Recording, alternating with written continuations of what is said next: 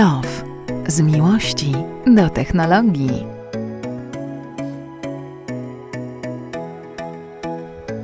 Dzień dobry, dzień dobry. Witamy Was dzisiaj w dużo większym składzie, bo w Techlow rzadko są goście, a już dwójka to chyba w ogóle tak nigdy nie było. Cześć Dagmara. Cześć. E, Przedstawisz naszych gości? Tak, ale najpierw powiem, że od przybytku głowa nie boli. No tak. Więc słuchajcie, e, mamy dzisiaj w studiu, gości, którzy mm, zrobili fajną rzecz e, samochodem elektrycznym, więc będzie trochę o technologii i trochę o samochodach No właśnie, od razu. Jeżeli ktoś nie lubi słuchać w Techlow o samochodach elektrycznych, to dzisiejszy odcinek pominie, chociaż... Nie, no słuchajcie, bo to są, będą świetne przygody, bo tutaj trochę lifestyle'u, trochę technologii, no i przede wszystkim świetna podróż. A są z nami dzisiaj Damaris Pośpiech-Grzyb i Daniel Grzyb, czyli taka para, która po prostu pojechała w świat z samochodem elektrycznym. elektrycznym. Cześć. Cześć, dzień dobry. Cześć, witamy. Śledziliśmy Was e, na, na bieżąco. E, ja, my lubimy takie, dlaczego Was zaprosiliśmy, bo lubimy z Dagmaro takie akcje, właśnie takie wyjazdy. Zrobiliśmy fajny wyjazd, jesteśmy, ja jestem przed kolejnym ciekawym wyjazdem, elektrycznym samochodem, ale Wasz... No to Gratuluję, jest... widziałem pobicie rekordu. Tak, no, dziękujemy. właśnie, ale Wy też jesteście po prostu, słuchajcie, o krok dalej zdaje się, 300 tysięcy kilometrów. Przyjechaliście Teslą, tak? Tak, tak, już y, teraz szósty rok leci, od kiedy jeździmy Teslą i tą jedną, jedyną, którą, znaczy tą jedną z czterech już teraz, ale e, tą naszą najstarszą udało się już przejechać łącznie ponad 300 tysięcy kilometrów. Mhm, ale to... mieliście też y, ciekawe wyzwanie, bo postawiliście przed sobą wyzwanie. Ale poczekaj, bo tych, tych 300 tysięcy chciałem no, no. nawiązać, bo mówi się, że Tesla są takie strasznie awaryjne, że ten samochód to tam e, rok pojeździ na bateriach, a potem już nie ma w ogóle zasięgu. No to powiedz chwilę, e, dosłownie dwie minuty o tym, co wymieniałeś w swojej Tesli, bo to SK, prawda? Tak, SK, Tesla Model S z grudnia 2016 roku. E, tak naprawdę poza e, baterią, bateria nigdy nie, nie, była uszkodzona, nie było żadnego problemu. Miałem jakieś problemy z ładowaniem w, kilka razy, ale się okazało ostatecznie, że to były problemy e, zazwyczaj związane z portem ładowania, które aktualizacją bezprzewodową udało się rozwiązać. E, poza tym e, nawet klocki hamulcowe nie były wymieniane, ani, ani tarcze Naprawdę? hamulcowe, ani razu. I mają jeszcze, pewnie teraz po naszym wyjeździe, e, nieco poniżej 50% żywotności. Czyli mechanik powiedział mi znajomy, że 500 tysięcy kilometrów powinienem przejechać bez ani jednej wymiany. O kurde, to nieźle, musisz dużo z rekuperacji odzyskiwać. Tak, e, bardzo dużo, staram się e, hamować ile, ile się da. E, nowe Tesla umożliwiają hamowanie, całkowite zatrzymanie się z użyciem rekuperacji. Ta Tesla niestety tylko do mniej więcej 5 km na godzinę, więc od 5 do 0 hamowanie, no to, to jeszcze do 500 tysięcy kilometrów myślę, że te klocki wytrzymają. I żadnych problemów po drodze przez te 300 tysięcy? Nie, tutaj mieliśmy jedynie problem z mrozem, ponieważ najniższa temperatura, jaką no właśnie, odnotowaliśmy... Bo, to powiedz, gdzie pojechaliście może teraz? Pojechaliśmy za koło podbiegunowe na Nordcap. Nie było ci tam zimno? Nie, ja uwielbiam takie temperatury. A zresztą te, te, w Tesli mieliśmy 28 stopni, nawet w nocy, bo spaliśmy w samochodzie, o czym zaraz powiemy również. Mm -hmm. Więc y, obraliśmy sobie taki cel, cel żeby e, pokazać, że samochody elektryczne z dużymi przebiegami e, i w takich trudnych warunkach też dadzą sobie radę, ponieważ jest dużo mitów i krąży w internecie, że po pierwsze baterie po 100 tysiącach kilometrów są do wymiany, do wyrzucenia, e, a po drugie, że jak jest zimno, no to elektrykiem się nie da. I chcieliśmy właśnie pokazać, że jak, jak jest zimno się da i jak jest duży przebieg, to też się da. To niesamowite, bo na niektórych zdjęciach u was na y, profilu było widać, że... w opisie odcinka oczywiście. Tak, to było widać, słuchajcie, że y, ten samochód często przykryty był po prostu warstwą śniegu. Trzeba było dokopać się do drzwi, żeby je otworzyć. I w tych momentach też nie mieliście problemu, żeby dostać się do środka, odpalić i jechać dalej? Uruchomić, znaczy, przepraszam. Mieliśmy czasami problem z przymarzającymi szybami, ale jak już dojechaliśmy e, w te zimne regiony, no to szybko zdziałałem z jakimiś preparatami, które kupiłem w Polsce, e, takie, żeby uszczelki nasmarować, żeby nie przymarzały, ale i tak mróz cały czas nam doskwierał. Przede wszystkim największy problem, jaki mieliśmy, to były e, takie klapki, które z przodu w Tesli są w zderzaku, które po prostu przymarzały, a służą one po prostu dopływu, do dopływu powietrza przy chłodzeniu akumulatora przy ładowaniu z dużymi mocami. I faktycznie przy ładowaniu z mocą około 140 kW te klapki nam zamarzły i co chwilę musiałem odłączać samochód od ładowania, mhm. żeby e, po prostu wentylator się nie spalił, nie uszkodził i żeby chłodzenie się wyłączało. A jak klamki? Bo klamki też przemarzają przecież w Tesla. Nie było problemu, bardziej z przednim bagażnikiem. Kilka, wiele razy, praktycznie przy takich temperaturach powyżej 20 stopni na minusie, co chwilę przymarzała. Daniel opatentował, możesz ty opowiedzieć o tym sposobie, gdzieś tam palec wkładał i, i udawało się otworzyć to, ja, to, ja wam, to ja wam zdradzę wam i słuchaczom też taką tajemnicę może, że w samochodach spalinowych dzieje się to samo, żeby nie było. No to dobrze, to nas uspokoiłeś. Słuchajcie, a były jakieś wyzwania, takie, z którymi mogliście sobie nie poradzić? No nie wiem, bo ja patrzę z punktu widzenia kobiecego. Wiesz, mnie, mnie, najbardziej interesuje przecież oczywiście ładowanie, no bo kurczę, mhm. zrobiliście w ogóle ile w czasie tej wycieczki kilometrów? 9,5 tysiąca. 9,5 tysiąca. Ile ładowań policzyliście, czy nie liczyłeś? Na samych superchargerach było to, to grubo ponad 20-30, jeszcze statystyki jakby opracowujemy i, i cały materiał z wyjazdu, ale, ale było, było dużo ładowań. A jakie było zużycie prądu w tym y, konkretnym miejscu na Ziemi? Najzimniejszym zdaje się. Znaczy albo jednym z najzimniejszych. Właśnie ile procent, to, to, a w sumie to ile procent więcej niż jeżdżąc po Warszawie w, przy plus 10? Kilkanaście procent więcej przy takich minusowych temperaturach. Y, byłem pod dużym wrażeniem zasięgu Tesli przy, przy takich y, minusowych temperaturach, ale zużycie w zależności od temperatury wahało się między 20 a 26 kWh. Ale tak zakładaliście na początku, że tak właśnie będzie, czy jak? Zastanawialiśmy się, jak będzie właściwie. Czekaliśmy na to, co nam Tesla y, prze, przed, zaprezentuje, ale ja też zauważyłam dużą, sporą różnicę przy właśnie spaniu podczas nocowania. E, latem, e, bo my też często wyjeżdżamy ogólnie podróże Teslą i nocujemy w niej i latem to jest zużycie 10-15%, a teraz to tak naprawdę 20, a nawet czasami ponad 20 schodzi na ogrzewanie, takie całonocne, nawet ponad 8-godzinne. Ale przynajmniej nie zmarzliście. Nie, nie. Tak, ale mniej więcej 3 kWh na godzinę samochód pobiera na utrzymanie takiej temperatury pokojowej w samochodzie przy mrozach. Mm. I, I, rozumiem, że ładowania wszystkie superchargery, czy gdzieś na jakichś innych stacjach też? Też na innych, szczególnie w Finlandii, gdzie właściwie w południowej części Finlandii faktycznie już były superchargery, ale Laponia i taka środkowa część, to faktycznie tam jest deficyt nie tylko stacji ładowania, ale przede wszystkim też benzynowych. Okej. Okay. Ale mieliśmy pierwszy, pierwszą taką jedyną sytuację z ładowarkami, z pro, problematyczną, e, właśnie jak wyjechaliśmy z Laponii. E, wtedy mieliśmy odcinek około 200 km.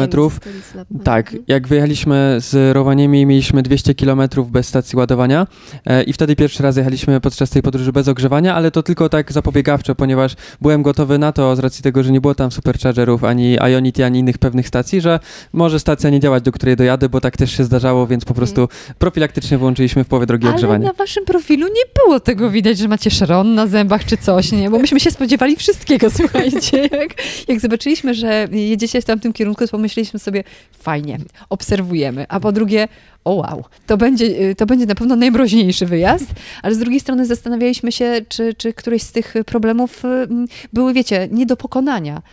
Mm, Tesla no, tak świetnie się sprawdziła, że chyba no wychodzi dobra, na to, że a, po, bo można mówisz, wszystko. Mówisz, że 200 km bez stacji ładowania, czyli tam z tą infrastrukturą, to tam, bo wszystkim nam się wydaje, że Skandynawia to w ogóle jest raj e, samochodów elektrycznych, że, że ta infrastruktura jest e, totalnie rozbudowana, to nagle 200 bez dobrej stacji, no to nawet w Polsce ciężko. Bo już... Nawet bez niedobrej. Tak, ale to było już w Finlandii, e, w takim bardziej powiedzmy, tak, takim pustkowiu, ale jeżeli chodzi o Norwegię, Szwecję, to, to bez problemu. Na początku nawet założyliśmy sobie, że zjeżdżamy na każdy supercharger, żeby po prostu zawsze lubimy zjechać, zrobić zdjęcie, zobaczyć z ciekawości, ale jak już w Szwecji się okazało, że ładując się mamy za 20 km kolejny, a za 40 jeszcze kolejny, to stwierdziliśmy, no bez przesady, bo będziemy cały dzień jechać, więc odpuściliśmy i po prostu jechaliśmy już wtedy normalnie. No dobra, największa, bo tam y, zawsze lubię oglądać zdjęcia właśnie z superchargerów w niektórych krajach, gdzie tam jest 40 stacji ładowania. Największy supercharger, e, jaki widzieliście teraz? 42 stanowiska.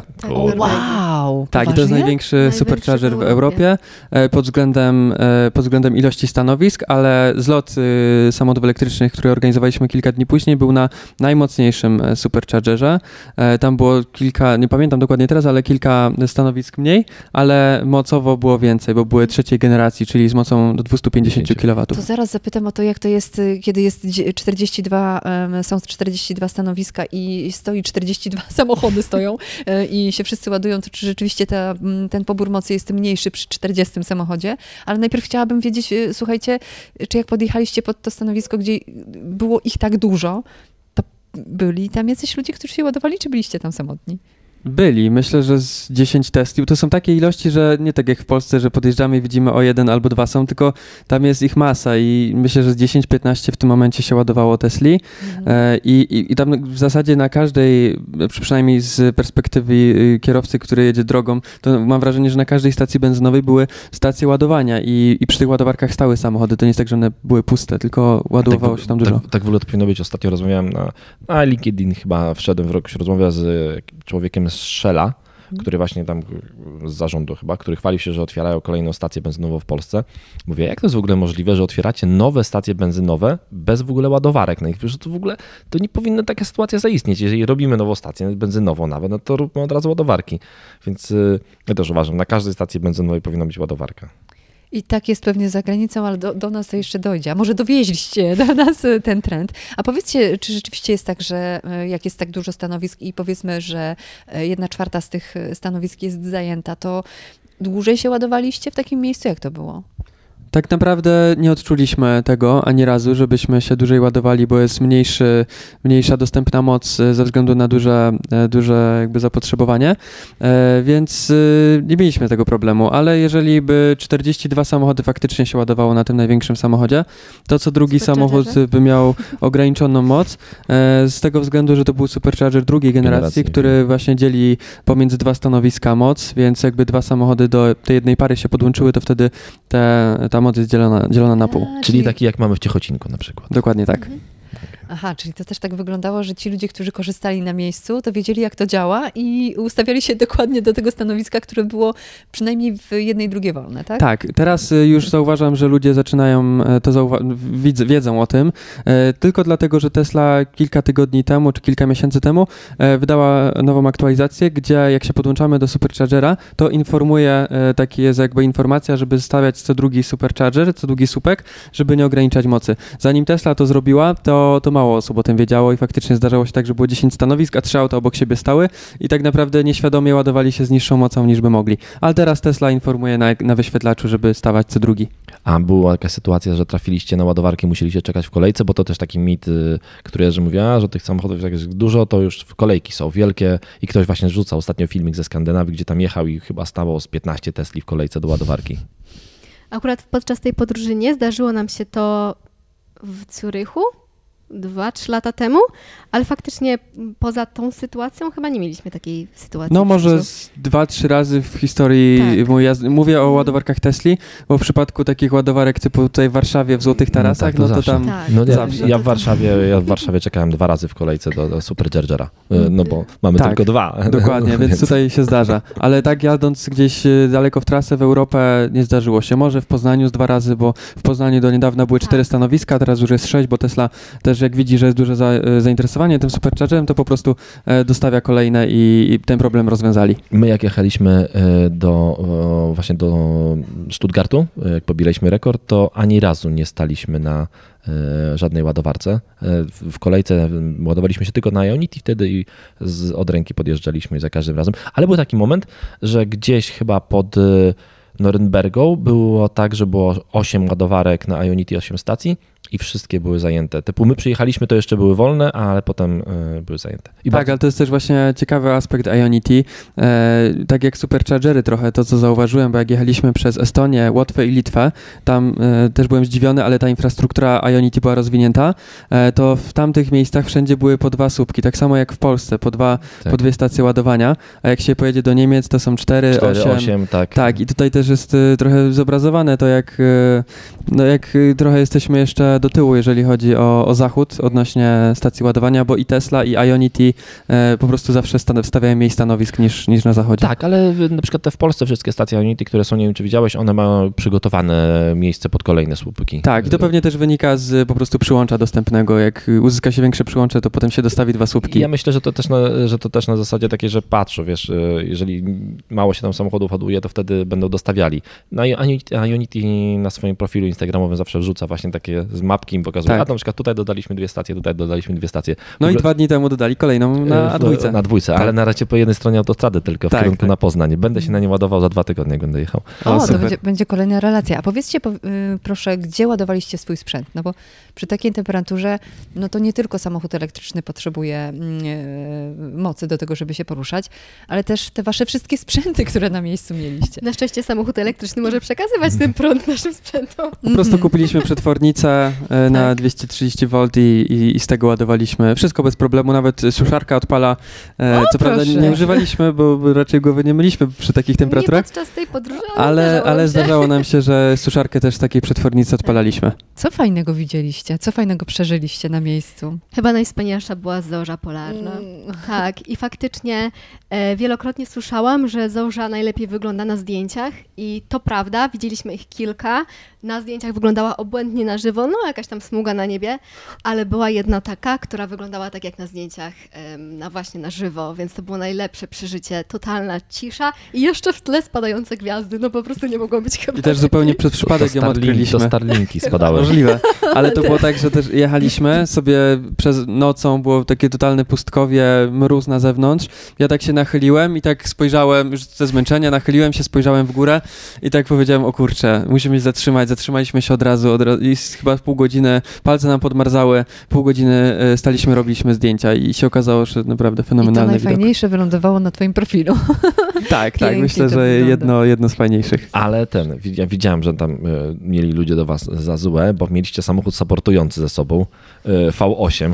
Jezu, no Tak. to jest zawsze jakiś problem. Ja tak Tak, się znaczy zastanawiam. się to zostało użyte jako, przez właściwie chyba widzów jako samochód supportujący, a tak naprawdę Robert z kanału High Five, z którym jechaliśmy, jest naszym przyjacielem. On jest y, od samochodów spalinowych, że tak się wyrażę kolokwialnie. Y, No i właśnie tak bardziej rozrywkowo i żeby mieć taki kąsek dla fanów i motoryzacji jednej i drugiej spalinowej i elektrycznej, żeby mieli o czym rozmawiać, żeby mieli o czym dyskutować i to był właśnie właściwie pod tym względem Tak, a wyjazd bardziej- mieliśmy zaplanowany już y, ponad rok. Już Tak. po dwa lata temu wpadłem na ten pomysł i po prostu przez pandemia trochę też to utrudniła, ale y, był taki pomysł początkowo, żeby jechać albo dwoma elektrykami, albo żeby jechać spalinowym i elektrycznym. No i stwierdziliśmy, że po prostu wykorzystamy to, żeby dotrzeć do, do większego grona i, i żeby właśnie widzowie Roberta zobaczyli e, elektryki w akcji i, i, i na odwrót.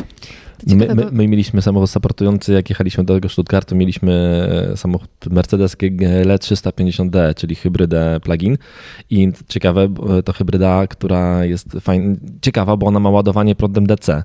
E, Czyli się ładował razem z wami. Tak. tak. i podjeżdżaliśmy na Ionity i stawialiśmy tego Mercedesa i podjeżdżał z nami. Będę właśnie na tej jednej stacji, gdzie stał ten Mercedes, no de facto spalinowy. Jaką moc osiągnęliście maksymalną? E, 50. 50 Okej. na nim do ła- To ładowania. całkiem dużo jak na hybrydę plug-in. E, tak, Mercedes naprawdę to ogarnia e, i podjechał właśnie i w momencie ten Ionity się zapełniło całe samochodami, to się dziwnie na nas patrzyły pan z Taycana, że tam to jakiś spaliniak się ładuje. W Tak. ogóle był mocno mega zdziwiony, że, że samochód e, hybrydowy potrafi się ładować z DC. No tak, Bo on na- bo chciał na- 270 kW pobrać, a tutaj tak. Bo, bo na Ionity są tylko złącza DC, nie ma żadnych innych. Tak. Wiecie, ja się też tak zastanawiam pod względem tego, co powiedzieliście przed chwilą.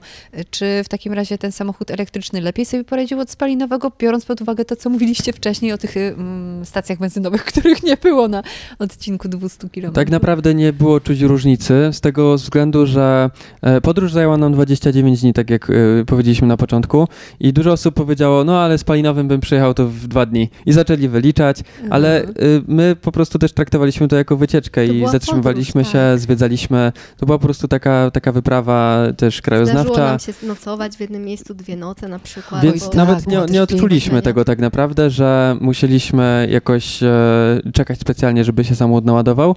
E, po prostu y, kilka razy mieliśmy możliwość ładowania się w miejscu, gdzie spaliśmy z gniazdka jednofazowego. E, w większości jak robiliśmy zakupy, czy szliśmy zwiedzać, zawsze coś e, robiliśmy przy okazji ładowania. Nie było tak, że, że musieliśmy ładować i czekać. To jest za każdym razem ja tak mówię, że ja jestem w stanie udowodnić praktycznie każdemu, że większość takich codziennych, że, że spędzam na, na ładowarkach mniej czasu niż ktokolwiek na stacjach benzynowych, bo po prostu w ogóle nie spędzam takiego czasu, że tam jadę, bo robię zawsze coś w tym momencie. Właśnie ładuję się pod sklepem, idę do kina mm, albo robię no, inne rzeczy, które mogę robić w tym czasie. A plus tego, no ładowarek jest zdecydowanie więcej niż stacji benzynowych, bo każdy ma ładowarkę w domu. Dokładnie. Ostatnio właśnie widziałem taki nagłówek w internecie, że kierowca zrobił Teslą półtora miliona kilometrów i taki dopisek, e, zgadnijcie ile e, spędził na ładowaniu Tesli. I właśnie, Zero. tak, aż mi się ciśnie, żeby powiedzieć, że, że się tak naprawdę nie czeka, bo zawsze coś przy okazji robimy. To jest jak z telefonem, zawsze porównuję. Wracamy do domu, podłączamy go i nie, nie, nie mówimy ile czasu go ładujemy, tylko po prostu to Dokładnie jest tak. Ale ta dyskusja odbywa się w Polsce, bo ja takie mam wrażenie, że jak wyjeżdża się za granicę, to nie ma takich problemów, prawda? Macie takie same odczucia? Y, Tak, y, nawet specjalnie zapytaliśmy y, Polonię mieszkającą w Norwegii, czy u nich jest tak jak w Polsce, że e, jest nagonka na, na samochód elektryczny, czy jest jakaś taka negatywna opinia i powiedzieli, że są osoby jeszcze, które są nieprzekonane, ale to jest bardziej tak, że one i tak wiedzą, że to jest przyszłość i że będą musie, musiały kupić, ale na przykład nie są jeszcze gotowi e, albo to jeszcze po prostu nie jest ten czas, ale, ale nie ma takiego dużego hejtu jak, jak u nas.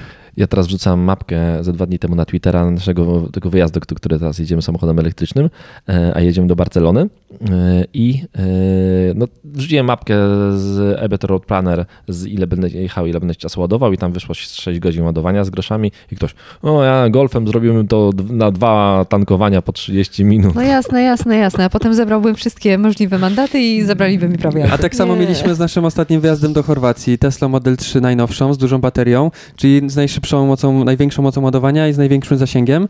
E, I też wyliczyłem, że na trasie e, 1000 chyba 600 km łącznie spędziliśmy dwie godziny. E, I zapytałem innych znajomych, którzy jechali autem spalinowym i oni powiedzieli, że Minimum tyle oni samo. tam 2-2,5 godziny tak samo, bo to z dziećmi trzeba się zatrzymać. e, Dokładnie tak. W ogóle, na, na jedzenie. W ogóle jak masz dzieci, to jest w ogóle inna bajka, Tak. bo, bo zdecydowanie za każdym razem ja jestem wcześniej naładowany samochodem, niż dzieci zdążą zrobić to, co mają zrobić na jakimś postoju. Wyjazd to nie jest wyścig, to nie o to chodzi. No nie chodzi o to, żeby I o to właśnie chodzi, nie? że to nie jest wyścig, a a niektórzy traktują to jako, każdy wyjazd jako wyścig, że szybko, szybko, bez hot doga, bez punktów, jedziemy szybko i... No właśnie, ale tak się nie podróżuje przecież na co dzień. I właśnie y, y, jesteście kolejnymi osobami, które to próbują udowodnić. Ja mam wrażenie, że zrobiliście to znakomicie, a przy okazji chyba dobrze się bawiliście, co? Tak, o to przede wszystkim chodziło, żeby się dobrze bawić i, i też, żeby to niosło za sobą jakąś wartość. Więc... Bar, bar, myślę, że doniosło sporo wartość, bo pokazuje faktycznie, e, robicie to, co my też staramy się robić, że po, samochodem elektrycznym daje się jeździć w duże, dalekie podróże i to jest zwykły pojazd, trzeba może troszkę do tego minimalnie inna, inaczej podejść. To na koniec powiedzcie, jakie plany e, w najbliższy czas, jakieś fajne eventy, czy nie zdradzacie? Dokąd E, ma, mamy, możemy zdradzić od razu. E, na początek jeszcze tylko dodam, że właśnie też Damaris jest w trakcie pisania książki z tego wyjazdu. O, film, pełno, film pełnometrażowy też tworzymy. E, więc za kilka miesięcy będzie książka, e, za kilka tygodni pojawi się też film e, na moim kanale, Rewelka. ale planujemy e, kolejny wyjazd do Afryki Teslą. Ale super. O, kurczę. Tam będzie troszeczkę cieplej. Ale tam z kolei jest y, gorzej z ładowarkami, prawda? Dobrze Tak, mówię? tak. Y, Ale, ale jeszcze jakby to jest y, w powijakach, ale, ale chcemy dojechać tą naszą Teslą też, która już będzie miała pewnie 350 albo nawet 400 tysięcy przebiegu do Afryki już w tym roku.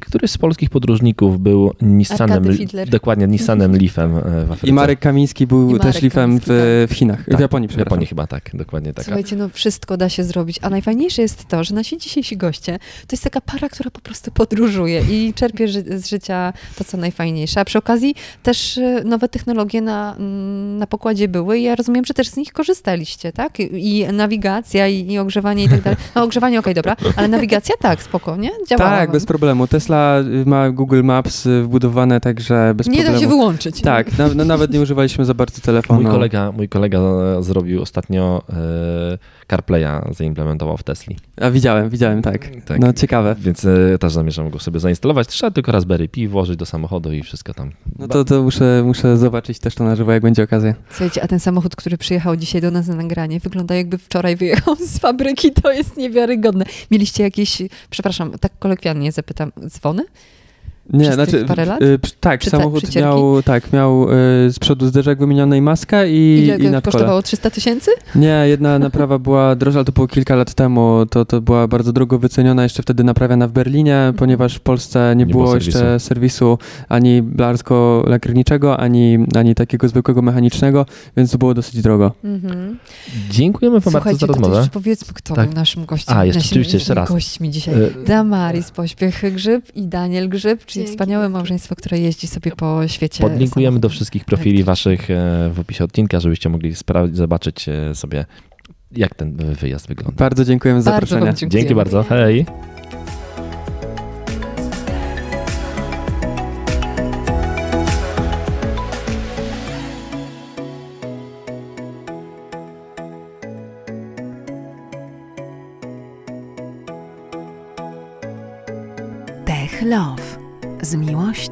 do technologii.